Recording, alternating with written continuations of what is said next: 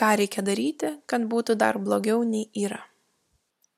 Kažkada labai seniai Danijoje gyveno toks Sorenas Kirkegardas.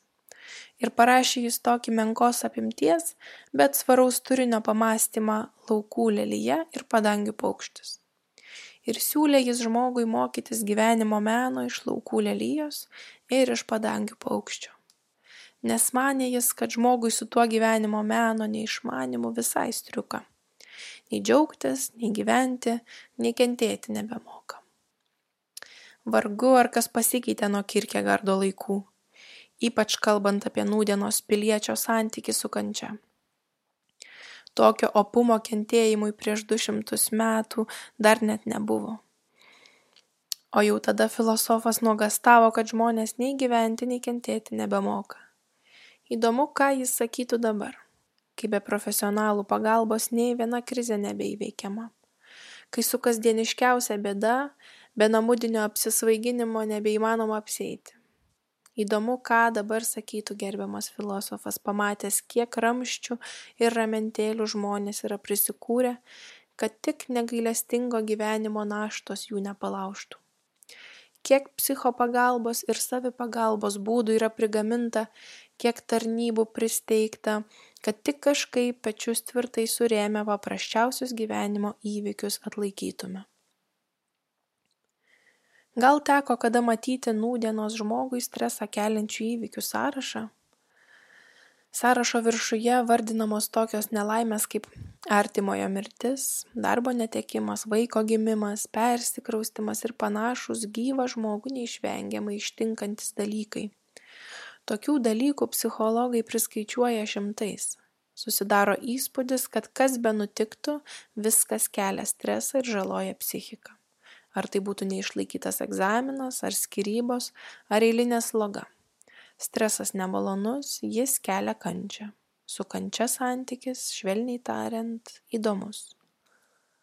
Ne visai švelniai tariant ganėtinai infantilus laike kuomet ligos nelaimės ir kitos problemos žmogų aplenkia dauguma žmonių tvirtai laikosi nuomonės kad jų gyvenimas turi būti sklandus lengvas ir malonus. O viskas kas sunku ir nemalonu privalo juos ratu apeiti. Laikas po to kai paaiškėja kad dalykai kurie turėjo žmogų aplenkti visgi jo neaplenkė vadinamas kentėjimu ir skiriamas jis įvairiausiems bandymams kažkaip su šia neteisybe susitvarkyti dažniausias klausimas ką dabar daryti sprendžiamas įprastuoju būdu. Tai yra daroma viskas kad būtų dar sunkiau ir kad kančia dar labiau išdidėtų. O kad kančios akivaizdoje galima elgtis ir ne taip įprastai tai yra nedaryti nieko kas kančią didintų mūsuose jau seniai pamiršta. Nuo kentėjimo niekas nėra atleistas nuo skaudžių gyvenimo įvykių taip pat niekas nėra apsaugotas bet savo kančią galima ištverti tyliai ir paprastai arba galima iš jos pasigaminti sielvarto bei savigailos liūną ir pamažu jame nugrimzti Kirkegardas šį liūną vadina sielvarto ir neištvermės nuodėme. Kančios išdidinimo modelis šiai dienai populiarus ir visokiojopai skatinamas. Susilaikimas nuo kančios išdidinimo vadinamas antihumaniška, viduramžiška atgyvena netitinkančia laikmečio dvasios. Apie savo kančias šiuolaikinės visuomenės pilietis primygtinai raginamas pliaukšti į kairę ir į dešinę kuo daugiau ir išsamiau tuo kaip sakoma jam bus geriau. Kirkegardas atvirkščiai kenčiantį jį ragina tylėti kaip tą daro paukštis ar laukų lelija. Nes pasak filosofo tylus kentėjimas kančią supaprastina ir ištyrina. Lelijai kentėti yra kentėti nei daugiau nei mažiau. Tačiau būtent tada kai kentėti yra nei daugiau nei mažiau negu kentėti kančia supaprastinama ir ištyrinama kiek tik įmanoma sumažinama.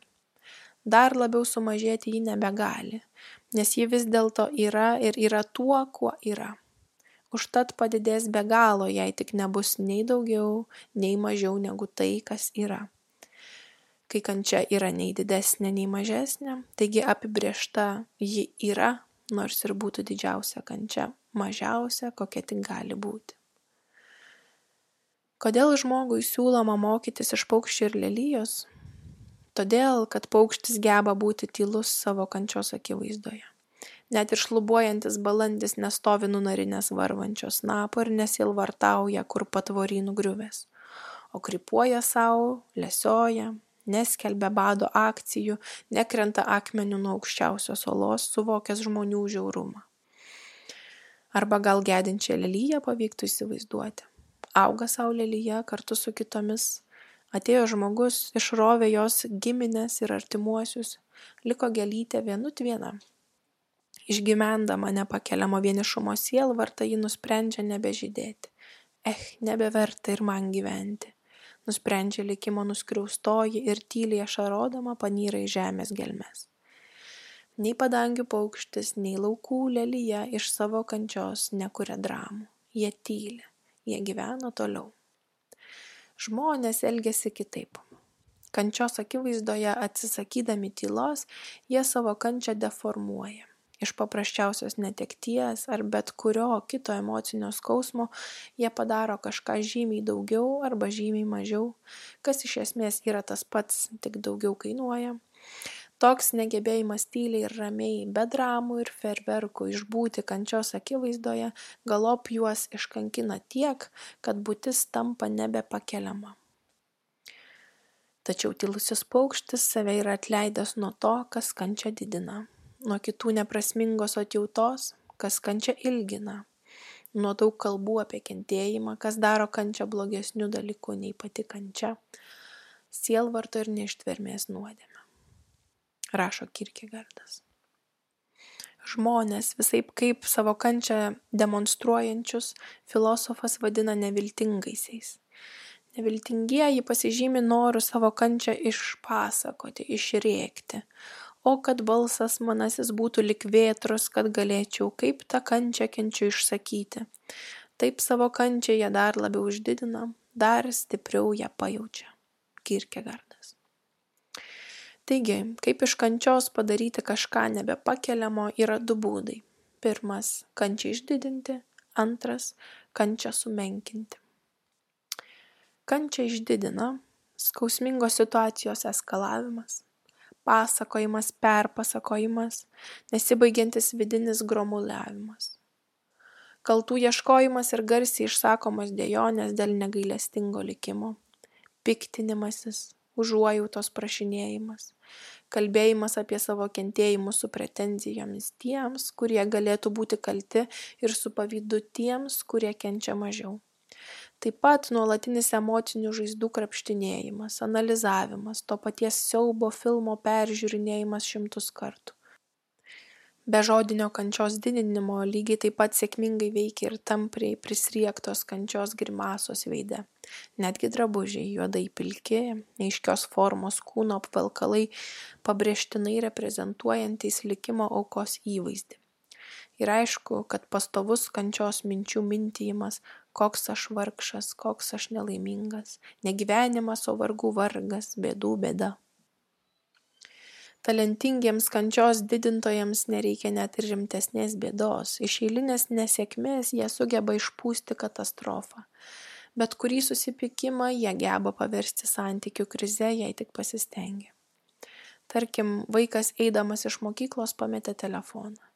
Kaip iš šios šeimos krizės patirti kuo didesnį stresą Pirmiausia, reikėtų suvokti, kad telefono pametimas tai ne šiaip įvykis, o tai ženklas, kad su jūsų vaiku kažkas negerai. Taip pat tai įrodymas, kad jūs blogi tėvai, o miesto gatvėse pilna nusikaltėlių. Jei streso dar mažoka, galima apie šeimą ištikusią nelaimę kelis kartus rimtai pasikalbėti su vaiku. Būtų gerai dar jį kaip reikiant pamokyti, tai yra nubausti dar galite išsakyti vienas kitam savo ilgai kauptą nuomonę apie netikusius genus. Krizės įtvirtinimui papasakokite apie tai visiems kas norės jūsų klausytis. Ypač tiems kurie padės šioje nelaimėje įžvelgti dar daugiau priežasčių kančiai ai vos nepamiršau paminėti. Jokiu būdu neleiskite sau užsimiršti. Savaitę kitą po šio sukrečiančio įvykio vaikščiokite niūria veido išraiška taip turėsite progą dar ir dar kartą paaiškinti visiems besidomintiems, kokia nelaimė ištiko jūsų šeimą. Aišku, pateikiau čia tam tikrą šaržą, retas, kuris iš būtinio įvykio sugeba tiek išspausti. Bet jei tik nelaimė pasitaiko bent kiek skaudesnė ir be didelių pastangų ir be įgimtų gebėjimų neišsenkančios kančios šaltinį iš jos galima padaryti. Kirkegardo pasiūlymas savo kančios akivaizdoje reikia susikaupti ir patylėti. Šio pasiūlymo nereikėtų priimti visiškai tiesmukai. Čia nekalbama apie partizaninius tylos įžadus. Filosofas siūlo tylą kaip santyki su kančia. Rekomenduojamas tylus santykis su tuo, ką jaučiu. Ir tai ne visai tas pasipūteliškas sprendimas, kai kančios akivaizdoje žmonės pasirenka tylėti kaip žemė. Niekam nieko neprasitarsiu ir ašarų niekam nerodysiu. Tylus santykis su kančia reiškia nuolankumą, kai kančia priimama tokia, kokia ji yra ir su tais jausmais, kuriuos jį kelia, kai net savo paties mintyse žmogus apseina ir be ignoravimo, ir be perdėtos graužaties, ir net ir tyliai pats savo bėdžiaus raudų nerypuoja iki visiškai išsenka.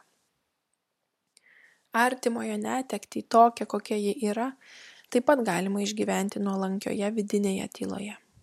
Bet galima iš jos padaryti ir didžią dramą, su žiūrovais ir su orkestru, apkarstant visą savo būtį dėmesį patraukiančiamis afišomis. Mano kančia didžiausia.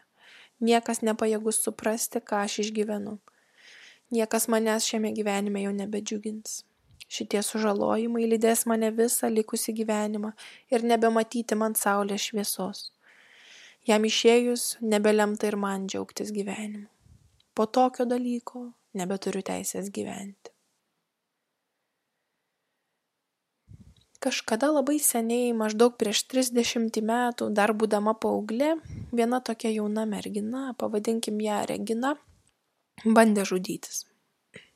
Bandymas buvo nesėkmingas bet toliau sekusi savigraužos ir savęs smerkimo drama pavadinimu aš nusikaltau dievui ir gyvenimui todėl aš esu niekingas padaras net kelis dešimtmečius sėkmingai buvo vaidinama visose jos gyvenimo scenose. Regina liko vieniša nelaiminga savo padaryto nusikaltimo auka ir pati sau budelis ji buvo neverta nei meilės nei mėgiamos veiklos nei padaraus atlygio už savo menkus darbelius. Darbus beje ji rinkdavosi kuo paprastesnius nes buvo neverta dirbti geresnių. Partnerius taip pat rinkdavosi tik tokius su kuriais net ir prie geriausio noro nesigautų nieko rimto jau vedusius susenusius ar šiaip globotinius. Po tokio nusikaltimo kurį ji padarė paauglystėje nusikaltimo prieš patį dievą jis su visam atsisakė teisės džiaugtis gyvenimu. Visos dienos daugiau nei vienuolika tūkstančių dienų sekusios po šio nusikaltimo buvo vertinamos tik kaip nevykęs bandymas išpirkti neišperkamą kaltę liūdna reginos istorija akivaizdus pavyzdys kaip galima savo širdperšą dėl kažkada nutikusio įvykio išdidinti iki kosminių mastų pasinerti į ją ir joje apsigyventi. Kančią sumenkina tai yra taip pat padaro ją tuo kas ji nėra. Apsimetinėjimas kad kančios nėra nieko ypatingo neįvyko. Savo jausmų ignoravimas man viskas gerai kančios neigimas žmonėms nutinka ir blogesnių dalykų. Savęs apgaudinėjimas kad nėra taip kaip yra.